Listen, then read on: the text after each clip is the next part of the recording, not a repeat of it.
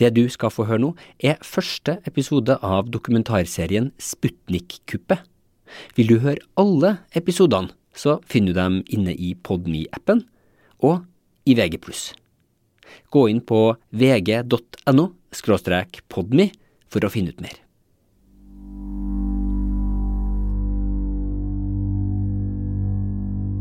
VG har mottatt det her skriftlige svaret til saken du nå skal få høre, via advokaten til forretningsmannen Per Morten Hansen.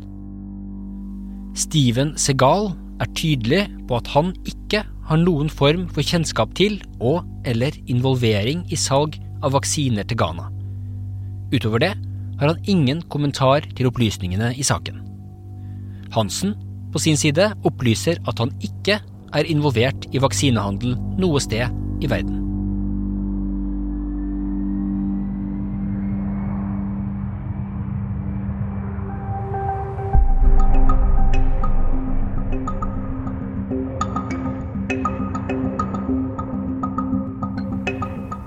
Den 3. mars i år så sto Ghanas helseminister og venta på den internasjonale flyplassen i hovedstaden Accra. Han var kommet for å se på noen store bokser dekka av blå tøypresenninger. Boksene hadde akkurat ankommet med et fly. De inneholdt til sammen 16 000 koronavaksiner, og var bare starten på en giganthandel. Om du var denne helseministeren som sto midt i en pandemi, hvilken pris ville du ha betalt for å få tak i vaksinedoser til befolkninga? 10 dollar for en dose? 15 dollar? Hvor mye som helst? Ved de blå boksene som var satt opp på en stor frakttilhenger, så møtte helseministeren dem som hadde solgt vaksinene til landet. En ung sjeik, og sammen med han en svartkledd norsk-pakistaner. En mann som politiet i Norge har vært på jakt etter i ei årrekke. Det vi skal prøve å gi svaret på i denne podkasten, det er hvor mye selgerne kan tjene på denne handelen, og hvordan de to skikkelsene på flyplassen, sjeiken og norsk-pakistaneren, kan ha fått tak i millioner av sårt etterspurte koronavaksiner. Og hva, om noe, en norsk tidligere tyggegummigründer og en Hollywood-stjerne har med det her å gjøre. But with the crisis spreading, How long before the people are going to start dying? We are not informed. Uh, we are not part of it. Good morning. Uh, am I speaking with Mr. Steven Segal? Jeg har bare sagt det til deg helt klart og tydelig. Det der har vi absolutt ingenting med å gjøre. VG Alt fortalt presenterer Sputnik-kuppet, en podkastserie i tre deler om vaksinemillioner, hemmelige lydopptak og ei actionstjerne. Basert på undersøkelsene til VG-journalistene Markus Tobiassen og Rolf Widerøe. Jeg heter Askild Matre Aasare. Episode én De blå boksene. Verdens rike land har hamstra vaksine. Verdens fattige land sliter voldsomt med å skaffe seg nok vaksine. Det her er journalist Markus Tobiassen. Han og kollega Rolf Widerøe Det er veldig bra. er dem som har prøvd å forstå historien som lå bak vaksinehandelen med Ghana, og akkurat hvor mye penger som ble tjent på den. Markus var, da vi snakka med han, fanga i karantene i leiligheten sin. Jeg har vært eh, fem dager i Ghana og sitter da hjemme i reisekarantene. Ja, så du har fått lov til å få rigga opp eh, mikrofonen. Jakta han har vært på der, den skal vi komme tilbake til. Men før vi kommer dit, så må vi forstå menneskene som fikk de blå boksene til flyplassen i Akra. La oss starte med den svartkledde norsk-pakistaneren. Han heter Umar Farouk Sahur. Det burde vært laga en Hollywood-film om han, for han har levd et, et liv utenom det vanlige. Det finnes et bilde av Farouk Sahur fra rundt eh, 2016. Der står han i en lysebrun og stor garasje med en Bentley Continental til venstre for seg, mens han lar den ene hånda hvile på panseret til en Rolls-Royce som står til høyre for seg. Farouk Sahur har gråstenk i det korte skjegget og et rolig ansiktsuttrykk. Eh, Han er pakistansk statsborger. Han er jo oppvokst på Grønland. Han er i dag altså etterlyst av norsk politi. Det er av den såkalte Nordea-svindelen, en av tidenes største banksvindler i Norge. Rolf Widerøe har dekka den saken inngående for VG. Det var en, en gruppe personer som fikk ideen om at de skulle tømme kontoen til ei rik enke. Enka var Randi Nilsen, som hadde vært gift med en rik norsk industrigründer. To mennesker troppa opp på en liten bankfilial på Tveita øst i Oslo med falske ID-papirer. Og så fikk de da med seg ei dame som spilte denne rike arvingen. Og så hadde de med seg en annen eh, bedrager som spilte svigersønnen, som skulle få disposisjonsrett til eh, kontoen. Og på den måten så klarte de da å få disposisjonsrett til kontoen, og i løpet av noen hektiske dager så klarte de å få ut 90 millioner. Pengene ble overført til Dubai. En av dem som deltok, fortalte senere til VG at de kjørte rundt i Dubai hver dag i tre uker og tok ut penger fra kontoene de hadde overført til. Fire menn og én kvinne er i Oslo tingrett dømt til mellom fire og ti års fengsel for å ha svindlet Nordea for nærmere 90 Det skal sies at han som satt i skranken var også med på bedrageriet, da, men det var Så de hadde sikra seg der. Men hun dama Ja. Men i alle fall så Han fikk ikke med seg 90 millioner, for den siste bulken på noen og 20 millioner ble stoppa i siste liten, takket være en eh, snarrådig banksjef i Nordea. Men 62 millioner kroner kom aldri til rette igjen. Personen som politiet utpekte som hovedmannen bak svindelen i Norge, var lillebroren til Umar Farouk Sahur, og politimyndighetene mener altså at begge brødrene var involvert. Da svindelen foregikk, så var Farouk Sahur alt etablert i Dubai. Politiet har altså ikke klart å få han utlevert senere. Politiet mener jo at han har tatt imot utbytte, for pengene har aldri kommet til rette. Farouk Sahur sjøl har sagt at alle beskyldningene mot han er falske. Men uansett hva en tror om involveringa hans i Nordea-svindelen. Fra luksusvillaen sin i et av de mest fasjonable nabolagene i Dubai, så virker det som om Farouk Sahur har tatt steget opp til å bli en del av et internasjonalt finansmiljø med kontakter i de aller øverste sjiktene i samfunnet.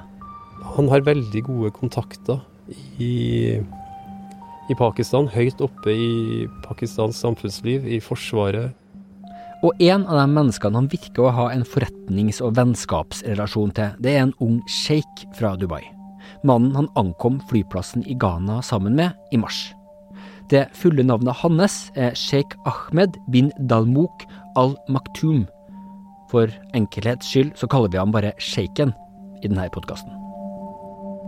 Eh, Vi vet ikke så mye om han, for det er ikke så mye offentlig informasjon. Men han presenterer seg som et medlem av kongefamilien i Dubai.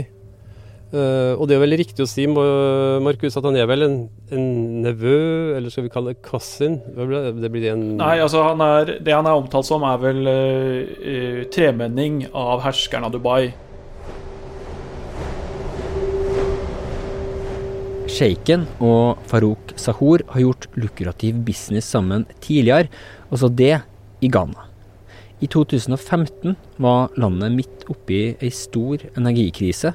Innbyggerne kunne være uten strøm i 24 timer av gangen. Mat som hadde ligget frosset, ble bederva i stor skala, og bedrifter gikk konkurs. I krisa så leide Ghana ti mobile gassturbiner, såkalte kraftverk på hjul, for 4,4 milliarder kroner fra et privat selskap. Den leieprisen skal ha vært omtrent det dobbelte av hva landet hadde måttet betale om de bare hadde kjøpt turbinene sjøl.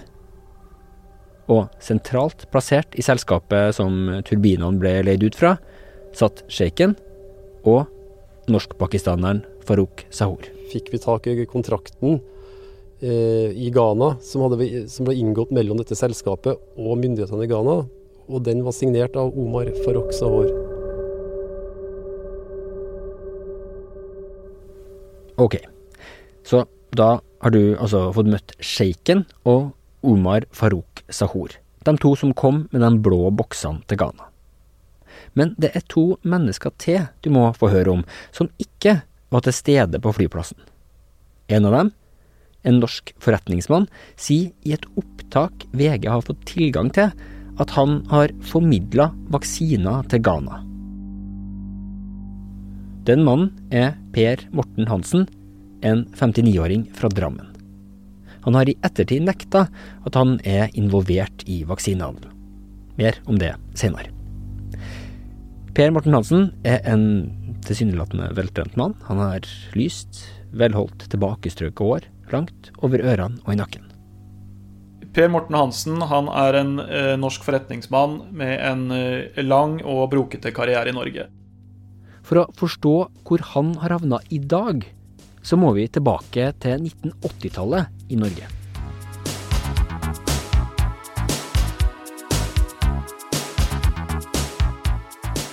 Han dukker vel opp i, i offentligheten omtrent i det jappetida tar slutt i Norge.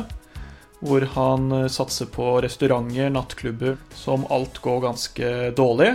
Um, han også Han kjenner også en del uh, andre si, uh, kontroversielle aktører i Norge. I 1992 så blir han dømt sammen med torpedoen Espen Lie for helleri, altså for å ha oppbevart uh, verdigjenstander som da er utbytte av kriminelle handlinger. Bl.a. et, et Munch-litografi, noen klokker og noen andre malerier. Så går han, han går på et tidspunkt personlig konkurs, omtrent samtidig som han prøver å slå seg på slanketyggegummi sammen med Morten Harket fra a-ha og tidligere bokseren Ole Klemetsen. Dette er egentlig en liten blindvei i historien, men det er verdt å stoppe opp og forklare litt. Det som skjedde, det var at Per Morten Hansen i 1996 var med på å starte et selskap, Gumtech AS som skulle lage en tyggis som skulle hjelpe til med slanking. Så, i 1998, så gikk han i bresjen for et nytt tyggegummikonsept, som skulle hjelpe røykere å slutte. Og det er her Harket og Klemetsen kommer inn i bildet. De to skulle gjennom stiftelsen No Smokings bruke penger fra Gumtech AS til forebyggende arbeid mot røyking. Planen var at røykere skulle slutte å røyke og i stedet tygge tyggegummi eller Pust inn en spray med groblad, havrespire og sitrusfrukter.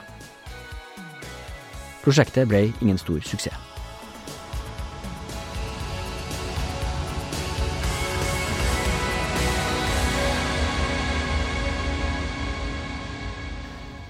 Og det her var bare ett av Hansens mange, mange finanseventyr. En stund senere ble han dømt til fengsel for bedrageri i forbindelse med import av bl.a. CD-spillere. I fengsel klarte han å forbedre soningsforhold gjennom en psykiater som senere ble dømt for å ha solgt legeerklæringa, det som ble hetende legejuksskandalen. I det hele tatt, det er mange ting en kunne ha stoppa opp ved i Per Morten Hansen sin karriere.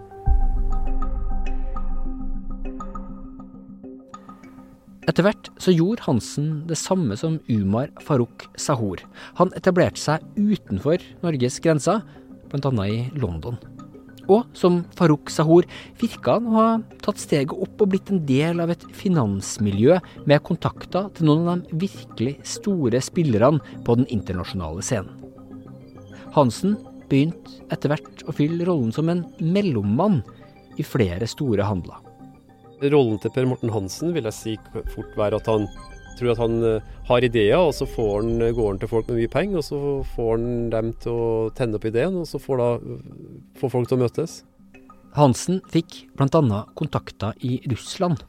Vi vet ikke hvor, eh, hvor, rik han er i dag, eller hvor vellykket han eventuelt er, men vi vet at han, han, han har et veldig stort kontaktnettverk, også blant veldig, veldig, veldig rike mennesker. Han har jo da bodd i et av de dyreste, eller et av de mest lukrative områdene i London. Som jo har eh, blitt et slags eh, Hva skal man si et, et, et sentrum, ikke minst for rike russere da, utenfor Russland. Ifølge den danske avisa Børsen var han mellommann da den 17 år gamle sønnen til Roman Abramovic, altså eieren av fotballaget Chelsea, prøvde å kjøpe FC København i 2010. Vi har en annen eh, handel. I 2015 så uh, satt Per Morten Hansen som hovedeier i et lite norsk uh, oljeeventyr som het Aladdin Oil. Gjennom Aladdin Oil, eller Araka som det strengt tatt endra navn til i 2015, så hadde Hansen kontakt med Aleksander Lebedev, tidligere KGB-offiser og styrtrik oligark. Per Morten Hansen beskrives som en, som en uh, mann som har fingrene i utrolig mye rart. da. Aladdin Oil, er ikke det det oljeselskapet i uh, Flåklypa Grand Prix heter? Eller er det bare jeg som finner på det? Nei, det er helt riktig. Uh, det er også, men det er, det, er det, det er, ikke det, oljeselskapet vi snakker om, og ikke Sheikh Reddik Ben Fyfasan. Nei, Sheikh Reddik Sheikh Ben Reddik Fyfasan. Så da har du møtt tre av fire personer du bør kjenne til i denne historien. Det er altså Per Morten Hansen, som hadde gått fra å forsøke å få på beina et utall forskjellige businessprosjekter i Norge, til å være en mellommann under forsøk på storstilte handler med russiske aktører. Så er det Umar Farouk Sahor, den 45 år gamle mannen som eh, vokste opp på Grønland i Oslo. Han som er etterlyst av norsk politi etter Nordea-svindelen. Og sjeiken fra Dubai, som hadde inngått en milliardavtale med myndighetene i Ghana om gassturbiner, sammen med Farouk Sahur. Så traff koronapandemien. Og det var her sjeiken og Farouk Sahur fant sammen i et nytt, stort prosjekt. Og om vi skal tro det han sjøl sier i opptaket VG har fått tak i, var altså Per Morten Hansen involvert. Det var et prosjekt med potensial til å skape en fortjeneste på hundrevis av millioner kroner på koronavaksiner. Men hvordan skulle han få tak i de her vaksinene? Per Morten Hansen nekta altså for det i dag, men i lydopptaket så forteller han at hans nære venn hadde hjulpet til. Per Morten Hansen beskriver det selv som at, uh, han er en, uh, at Steven Segal er en god venn av han. En person han kan uh, omtrent snakke med hver uke. Steven Segal, altså actionstjerna fra 1990-tallet.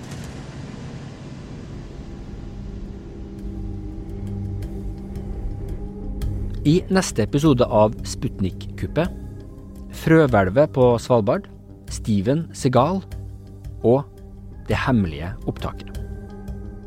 Der fikk Steven til å rute de kjøpt fem millioner uh, doser. Hvordan i all verden har en sjeik i Emiratene fått tak i russisk vaksine? Og hva betaler Ghana for denne vaksinen?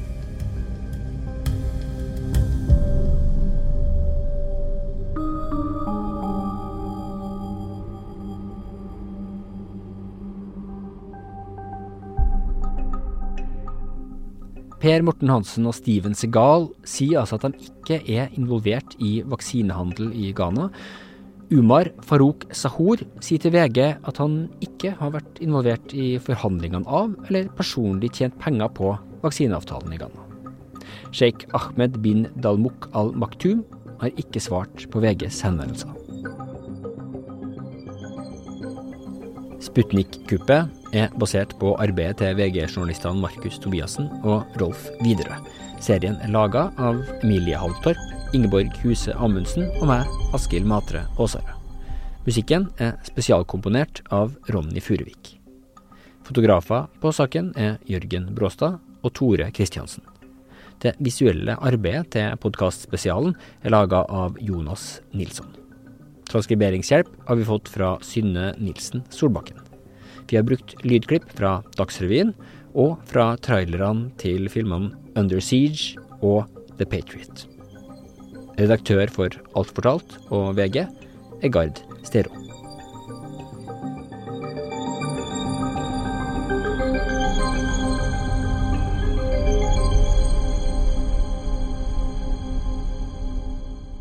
Du har hørt en podkast fra VG.